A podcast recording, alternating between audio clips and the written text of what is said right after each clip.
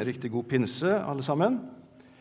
Vi eh, skal ta for oss to tekster denne søndagen, tenkte jeg. Fordi eh, vi må være innom den egentlige pinseteksten før vi går til det som er oppsatt for dagen. Så da begynner vi med å lese først fra apostelgjerningene 2, kapittel, kapittel 2, vers 1-11 i Jesu navn. Da pinsedagen kom Jeg leser ifra Det nye bibelselskapets oversettelse, så har dere eh, norsk bibel Kanskje Der. Vi får se. Da pinsedagen kom, var alle samlet på ett sted. Plutselig lød det fra himmelen som når en kraftig vind blåser. Lyden fylte hele huset hvor de satt.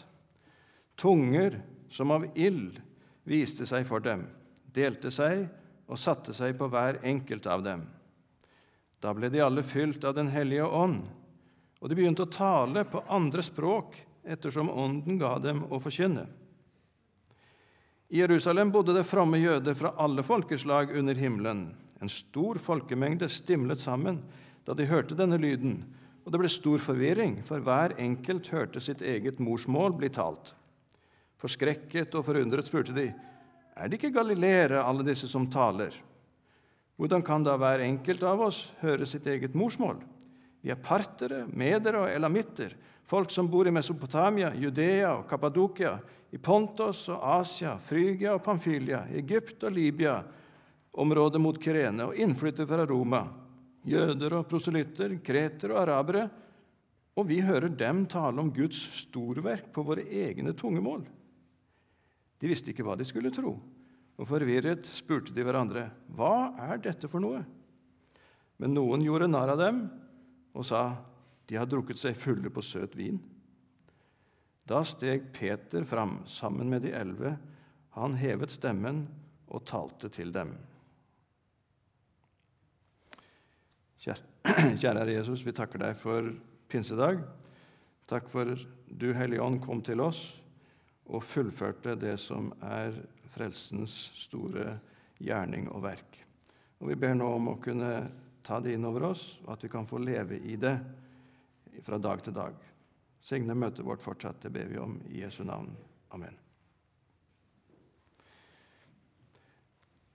Pinsa er på sett og vis den høytiden i eh, Kirken og blant kristne som er kanskje minst kjent og minst feira. Så da tenkte jeg det at vi kan ikke unngå å komme inn på det som er hovedteksten der, og samtale litt rundt omkring det. Reflektere litt rundt det. Besinne oss på hva pinse er og innebærer. Vi vet det, og husker det fra vår bibellesning, at da Jesus begynte sin tjeneste, fikk han Den hellige ånd på en spesiell måte ved dåpen, da han ble døpt i Jordan. Det står om i innledningen til alle evangeliene. Og Det er den samme ånd som nå kommer over disiplene for å utruste de til den tjenesten som de var utsett til, og som vi leste nå. Nå er det ulike vinklinger som vi kan ha på denne, det som vi leste her, eh, og jeg vil nevne fire. Dette som skjedde, det var den siste del av Jesu frelsende gjerning. Hans død, oppstandelse for vår skyld, det er ikke ført til endes før Åndens komme, som skaper forsamlingen av de troende og virker Åndens frukter. Så på sett og vis så er det sluttpunktet i det vi kan kalle frelseshistorien. Ikke bare død oppstandelse, men også Åndens komme. Det andre som vi bør huske på, det er at det, dette pinseunderet det gjorde at disiplene fikk det de trengte til sin spesielle tjeneste. De var utsett til en unik funksjon i Guds plan, og uten Åndens spesielle gave inn i sine liv så var de ikke i stand til å utføre den. Vi ser det at det var et markant før og etter pinsedag for de. Det tredje som vi også kan ta med, er at pinseunderet innleder på sett og vis en slags ny åndens epoke du har Det gamle testamentet, du har Det nye testamentet, ja, men det er en, en, en, ny epoke etter pinsedag. Noen kaller det jo Kirkens fødselsdag. Åndens komme, Den var unik på samme måte som jul og påske.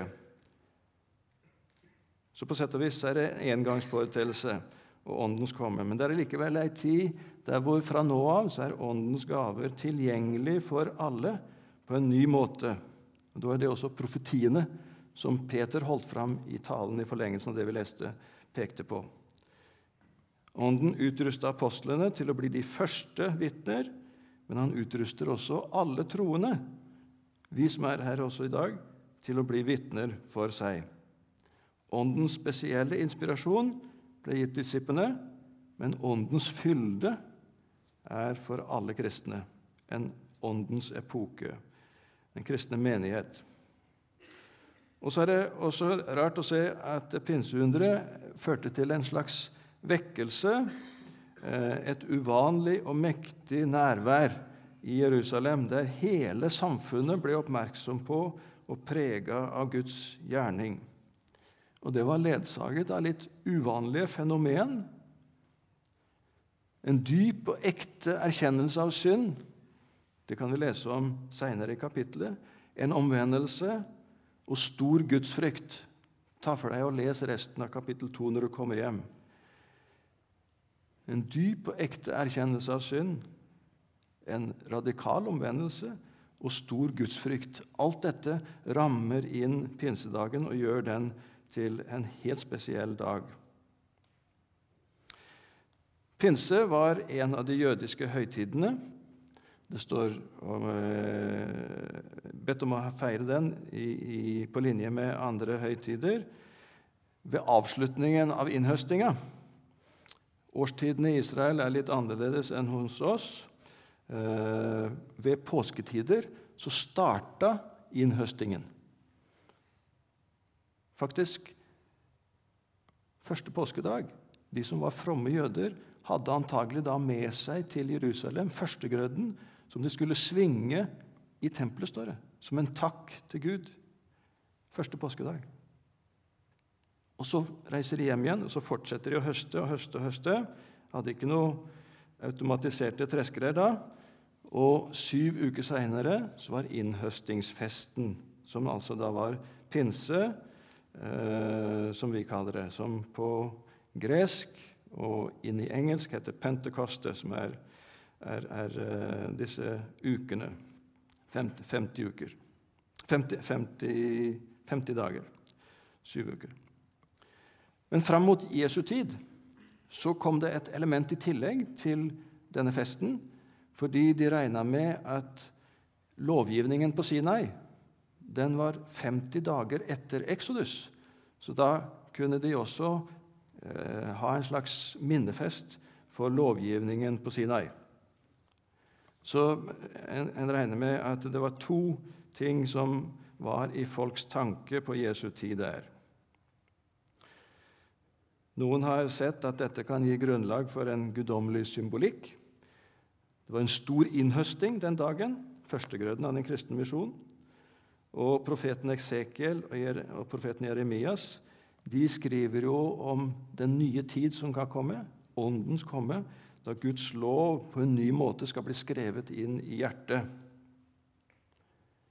Og Jødisk tradisjon har også, husker vi, vind, ild, røst var knytta til Sinai. Men du ser, Lukas bruker ikke all denne symbolikken. Og Da sømmer det seg også for oss å være litt forsiktige med å utsmykke vår tolkning utover det vi har solid bibelsk dekning for. Men du ser at pinse det var en like stor begivenhet med like mye eh, tråder bak til Det gamle testamentet som eh, påska hadde det. Det skal vi huske på, men samtidig være litt forsiktig. Jeg husker Da jeg gikk på Fjellhaug, så var det noen som hadde noen voldsomme tolkninger av offerordningene i Tredje Mosebok. Da husker jeg en eh, historie som jeg ble fortalt, at eh, noen også hadde det tidligere og gikk til professor Odland med det. Om ikke det var en veldig god tolkning av en spesiell historie så hadde Odland sett på det der. Du, vet du det, sa han. Det tror jeg ikke Gud tenkte på engang. Vi skal være litt forsiktige med å eh, trekke tråder og se symbolikk og sånn. For Lukas bruker ikke. Han er opptatt med det som er helt konkret.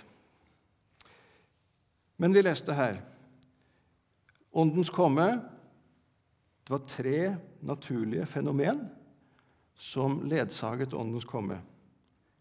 Tre naturlige, men de var overnaturlige når det kommer til både opphav og karakter. Synes som, men det var en dypere virkelighet i det. Lyden det var ikke vind, men det hørtes ut som det. Synet det var ikke ild, men det ligna på det. Talen syntes å være som andre språk, men det var allikevel annerledes. Hva de opplevde, var noe som kunne erfares, men det var tegn som pekte utover det umiddelbare og utover seg selv. Vind, styrke, makt, ild, renhet og språket nå sprenges alle grenser. Babels tårn, som hadde satt grenser og innsnevra, blir snudd om. Nå er det åpent all verdens Hva sto det her? Hver enkelt av, av, av oss på sitt eget morsmål. Og vi vet at Forståelsen av, av, av eh, det kapitlet som vi leste, har skapt litt ugreie i den kristne menighet opp gjennom tida, og kanskje helst hvordan en skal forstå språkunderet.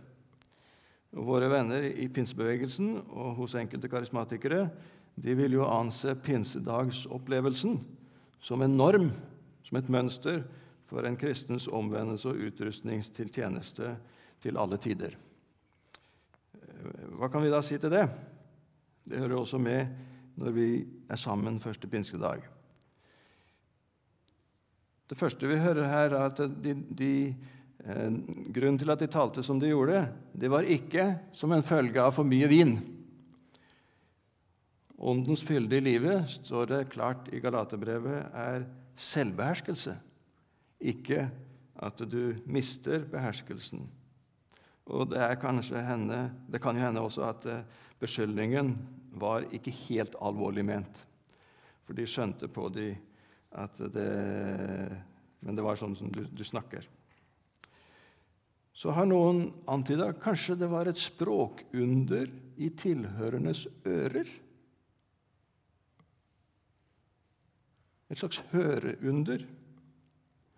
Men Lukas sier jo klart at det var et språk de talte. De ble fylt Den hellige ånd. De begynte å tale på andre språk ettersom Ånden ga dem. Så tilhørerne hørte noe. Disiplene talte ord, og de ordene, det var språk. Så det må vi holde fast på. Den liberale teologi i sin tid den var veldig tilbakeholdende med å anerkjenne noe som helst under. Så de har sett på disiplenes tale som egentlig en usammenhengende eh, tale. Fordi, hevder de, Lukas, som skriver ned dette her, han hadde jo erfaring fra Korint sammen med Paulus. Der kjente han tungetale. Og så har han da tenkt tilbake at det må ha vært på samme måte eh, eller et eller annet måte. Men poenget er at eh, er, han er upålitelig i sin gjengivelse av historien, vil jeg si. Det er ikke så lett å feste tillit til nå at vi ser Lukas mindre pålitelig enn vår egen tolkning. Det var språk. Da ender vi opp med at disiplenes tale det var sannsynligvis et språkunder som gjorde de i stand til å tale den dagen på fremmede språk. Og Lukas' bruk av ordet glossolalia også under lignende opplevelser seinere i Samaria i kapittel 8 og i Efesus i kapittel 19. Det gir støtte til den tolkningen. For der kom evangeliet inn i områder hvor det helt uventa skulle slå rot. Blant samaritanere og blant hedninger. Men de opplevde altså akkurat det samme som disiplenes grunnleggende opplevelse pinsedag. Og da faller disiplene til ro, at Gud har latt de erfare det samme som oss. Og da kan vi trygt lukke de inn i det kristne fellesskapet. Et språkunder. Tungetalen i Korint, eh, hvordan skal vi se på det? Eh, der står det egentlig aldri noe om eh, hvordan det arter seg i detalj. Mens her i apostelgjerningen 2 hører vi hvordan den talen glossolalia som det er brukt. Rammene er forskjellige. Pinsedagen, da var tungene offentlige, en slags manifestasjon, en erklæring, programerklæring. Mens i Korint så er det bønnespråk innenfor Gud, og Paulus sier i enerom helst. Pinsedag så ble språket forstått av mange, mens i Korint så var det ofte uforståelig og trengte en tolk.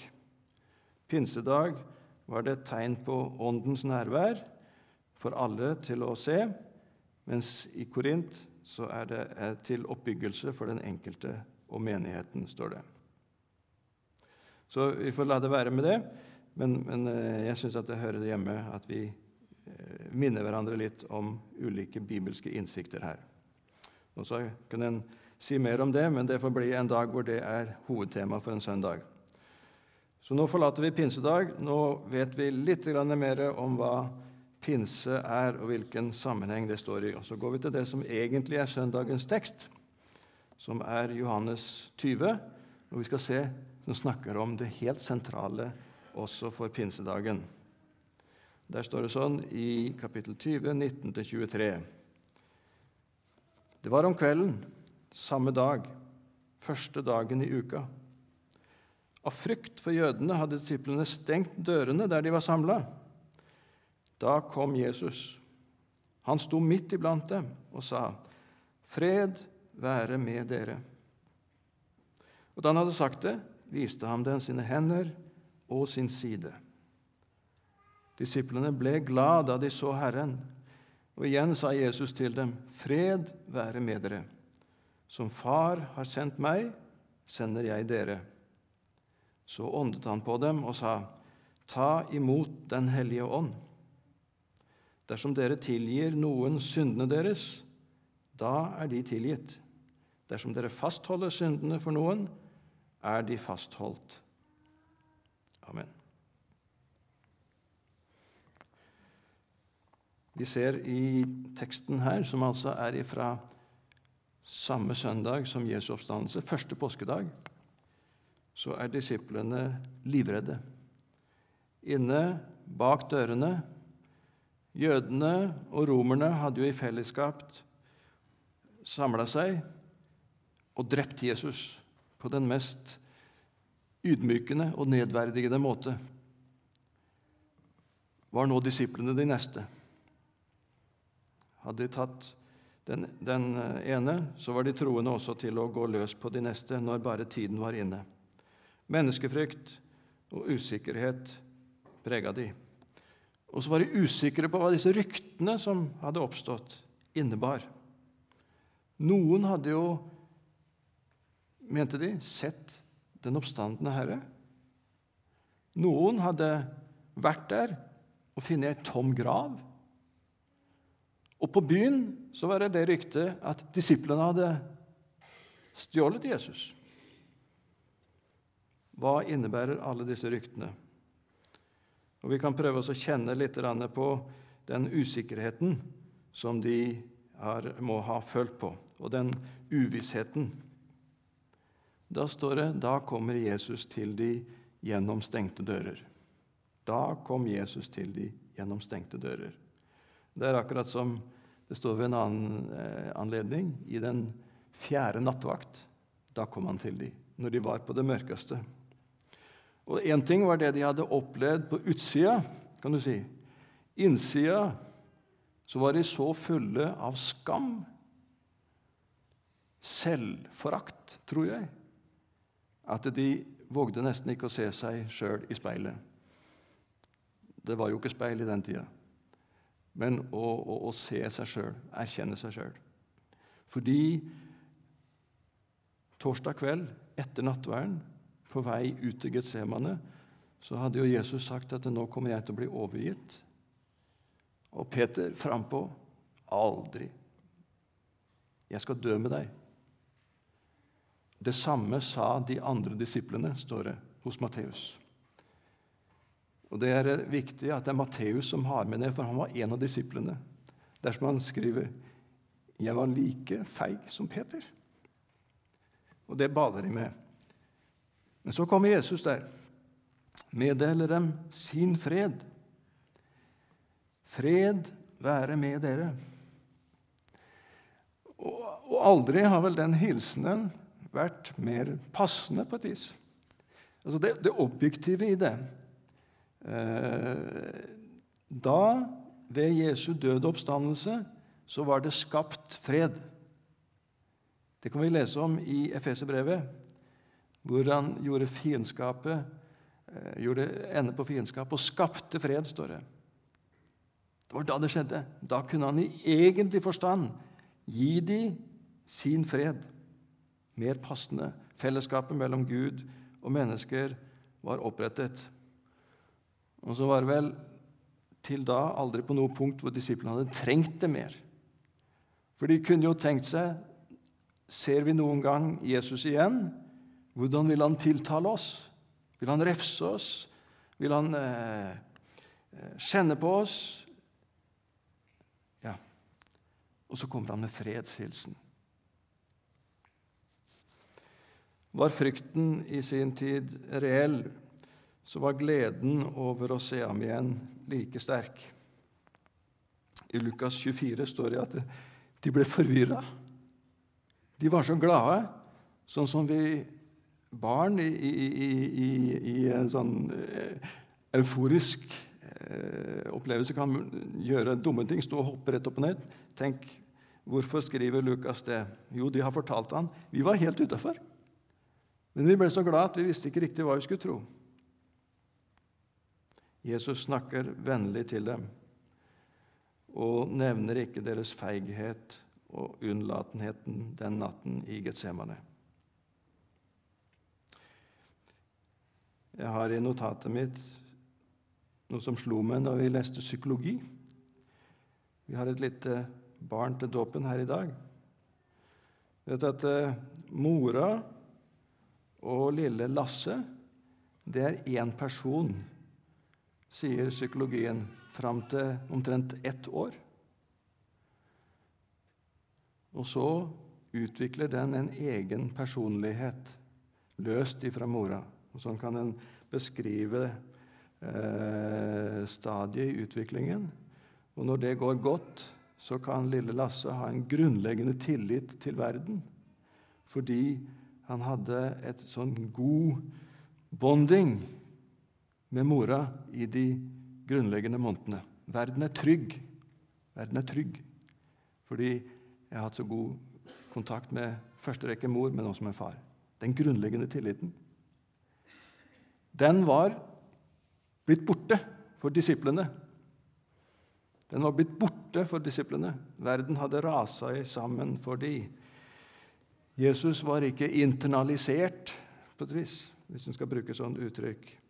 Eh, men så kommer Jesus tilbake, og så eh, gir han dem det. Jesus er ikke blitt borte. Han er her, og han lyser sin fred over oss, til og med inn i den situasjonen som vi er i. Og Det blir gitt et oppdrag, en utrustning og en fullmakt.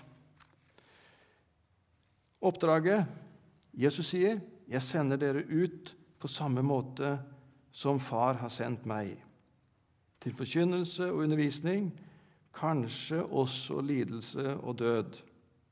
For vår tjeneste det er et speilbilde i noen grad av Jesu tjeneste. Det sier Johannes tidligere i sitt evangelium.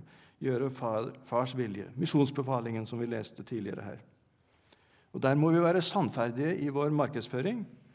Kallet denne utsendelsen det kan ha en kostnadsside like mye som en velsignelsesrik side. Både for utsendingen og for sendemenigheten. For sendemenigheten. Jeg så en flott vitsetegning en gang.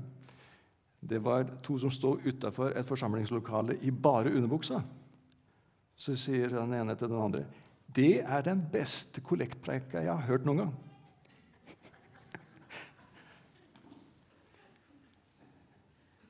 Det er en, det er, det er, uh, vi, skal, vi, skal, være ærlige. Det kan være dyrt, men velsignelsesrikt å være en kristen. Og oppgavene kan være så ulike. Men oppdraget er der. Jesus gir de oppdraget. Og så var det utrustningen. En ny fylde av Den hellige ånd. Det var ikke synd at Den hellige ånd var eh, ikke til stede i Det gamle testamentet eller i evangelienes tid. Han var der, men ikke så framtredende, ikke så fokusert. Men nå får Jesus si her, eh, ta imot Den hellige ånd. Ta imot Den hellige ånd. Så kan vi si litt mer på det, men større innsikt, større erkjennelse av hva Guds rike består i. Første pinsedag så vi det er en åndsopplevelse av en litt annen art. En slags offentlig markering for å innlede noe nytt i frelseshusholdningen. Men det er den samme ånd som Jesus fikk, som de nå får, og som skal dyktiggjøre dem til oppdraget gjennom lidelse til herlighet. Og Det står at disiplene var seine til å forstå og oppfatte. Men det er å vokse i nåden, vokse i kjennskap, vokse i Åndens fylde. Og så var det fullmakt. Forkynnelsen proklamerer frelsen i Jesus, og bare den. Det vil løse de som tar imot det, og binde de som er avvisende, sier Jesus. Dersom dere tilgir noen syndene deres, da er de tilgitt. Dersom dere fastholder syndene for noen, er de fastholdt. Det må vi eh, se på, en, på, samme måte som i Matteus 16. Fullmakten. Paulus sier at en utsending han er akkurat som en ambassadør. En ambassadør han representerer sin regjering og sitt hjemland, har fullmakt til å tale. Men det er ikke ambassadørens egne ting.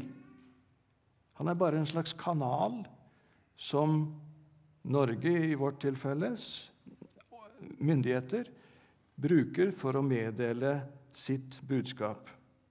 Så, så da går det ikke på meg, egentlig, men det går tilbake til han. Og den som skal ta imot dette, han må sjekke er denne fyren en ambassadør eller er han en lurifaks.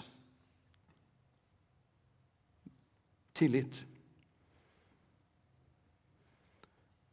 Pinseunderet på grunnleggende måte også, kanskje vi kunne ha føyd til det, blir en slags offentlig bekreftelse på den ambassadørrollen som de fikk av en helt spesiell karakter, også til i sin tid da, å skrive hellig skrift. Fullmakt. Det de binder når folk tar imot i tro, omvendelse og nytt liv, det er bundet. Fordi det, det, de gjør og sier, det er ikke av dem sjøl, det er Gud selv som sier det gjennom dem. Og de som avviser det, da avviser du bare ikke ambassadøren, men du avviser han som sendte han. Og Så må vi avslutte med det som har vært eh, veldig rikt for meg å se. Det som det blir sendt ut med, det er kanskje i første rekke tilgivelse. Et budskap om tilgivelse. Så du det? Ta imot Den hellige ånd dersom dere tilgir noen syndene deres. Det trengte de sjøl. Og vi skal vite det at det, verden trenger det enda mer. Jesu frelsesgjerning gjorde at nå var alt klart. Den hellige ånd den gir kraft til et sånt oppgjør med synd som var nødvendig. Og det kan vi ikke ta av oss sjøl. Og dette budskapet om tilgivelse, som på en måte er det grunnleggende i Den hellige ånds gave inn i noens liv, og som vi skal få lov til å gi videre til andre, det trenger vi alle sammen. Jeg trenger det i mine innerste tanker. Frigjør meg fra en fortid. Gi meg nytt håp, ny kjærlighet, ny livsretning. Tar vekk den skammen som var der. Fordi han som har fullmakt, han erklærer det vekke.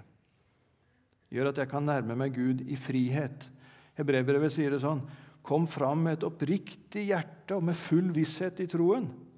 Hjertet renset for vond samvittighet.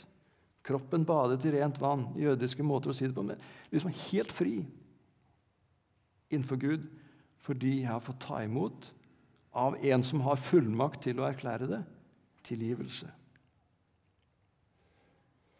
Tror jeg nevnte før, men sier igjen. Jeg hadde en eh, bror, min eldste bror, som døde litt for tidlig. Han var psykolog. Eh, og da jeg begynte på Misjonsskolen, så sa han at eh, ofte så kunne jeg hatt lyst til å studere teologi i tillegg. sa han. Fordi nesten alle mine klienter trenger å bli tilsagt syndenes forlatelse. Det er det som er det grunnleggende problemet. Og det kan ikke psykologien gi. Psykologi kan ikke erklære synder tilgitt. Det kan bare Gud. Det nye livet Jeg husker ikke en, ja. En eh, kar som jeg tror har vært her i Norge, Thomas Lokkeri. Han var i kirka sitt hovedstyre. Så var det en lei sak med en høyt plassert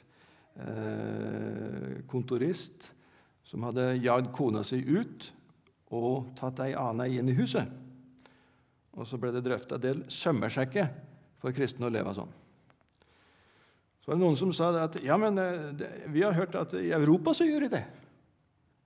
At de, de, de, skiller seg, og så gifter de seg på nytt igjen. Det er ikke noe problem, det. Og dere misjonærer må bare tie helt stille, fordi dette her vet vi. Det kunne være ganske kraftig nappetak. Og så henvendte seg til de andre som satt i hovedstyret. Hva mener du, Lokori, sa han fra Thomas. Ipokot, hva gjør dere Ipokot? Ipokot, sa han. Så han, var han sjeløyd, Så ett øye gikk den veien, et annet øye den veien. Så det var litt kostelig å, å, se på. Så du måtte bestemme deg for hvilket øye du skulle se på. Ipokot, sa han. Her sendte vi de rett hjem. Brente de maten eller et eller annet. Rett hjem. Så tok han en kunstpause. Men det var før. Det var før. Nå har vi opplevd et nytt liv. Nå har vi fått legge det gamle til sides, fått oppleve tilgivelse, og som, som, som eh, gjør noe helt nytt nå. Nå, nå eh, snakker vi med konene våre på en helt annen måte, respekterer hverandre. Og de andre satt helt Du verden. Du verden. De har opplevd noe. Og det er det som er pinse. Åndens nærvær, begynnelse i kirken, inn i den enkeltes liv. I stor glede. Og om det så var pinse Det skjedde én gang, men så kan de også oppleve det på ny i våre egne liv. Og det må vi be om ifra gang til gang, at Ånden må komme inn over i en større fylde i våre daglige liv, også som forsamling. Kjære Herre Jesus. Vi takker deg for din Hellige Ånd. Vi ber Hellige Ånd om at du må komme til oss eh, som vi trenger det. Eh, gi oss kraft og styrke til å både offentlig stå fram, og også i hverdagslivet. Og kan du virke en dyp erkjennelse av egen svikt og fall og synd, men også at vi opplever oss tilsagt tilgivelse og at det skaper et nytt liv og en, eh, en, en, veldig følelse av ditt nærvær i våre liv. Det ber vi om også for forsamlingen vår. Vi ber for dagen fortsatt, ber for dåpsforeldre, at de kan få eh, feire dagen for Lasse i visshet om at du har begynt noe i hans liv som vil være til stor velsignelse, fordi det er din Hellige Ånd. Amen.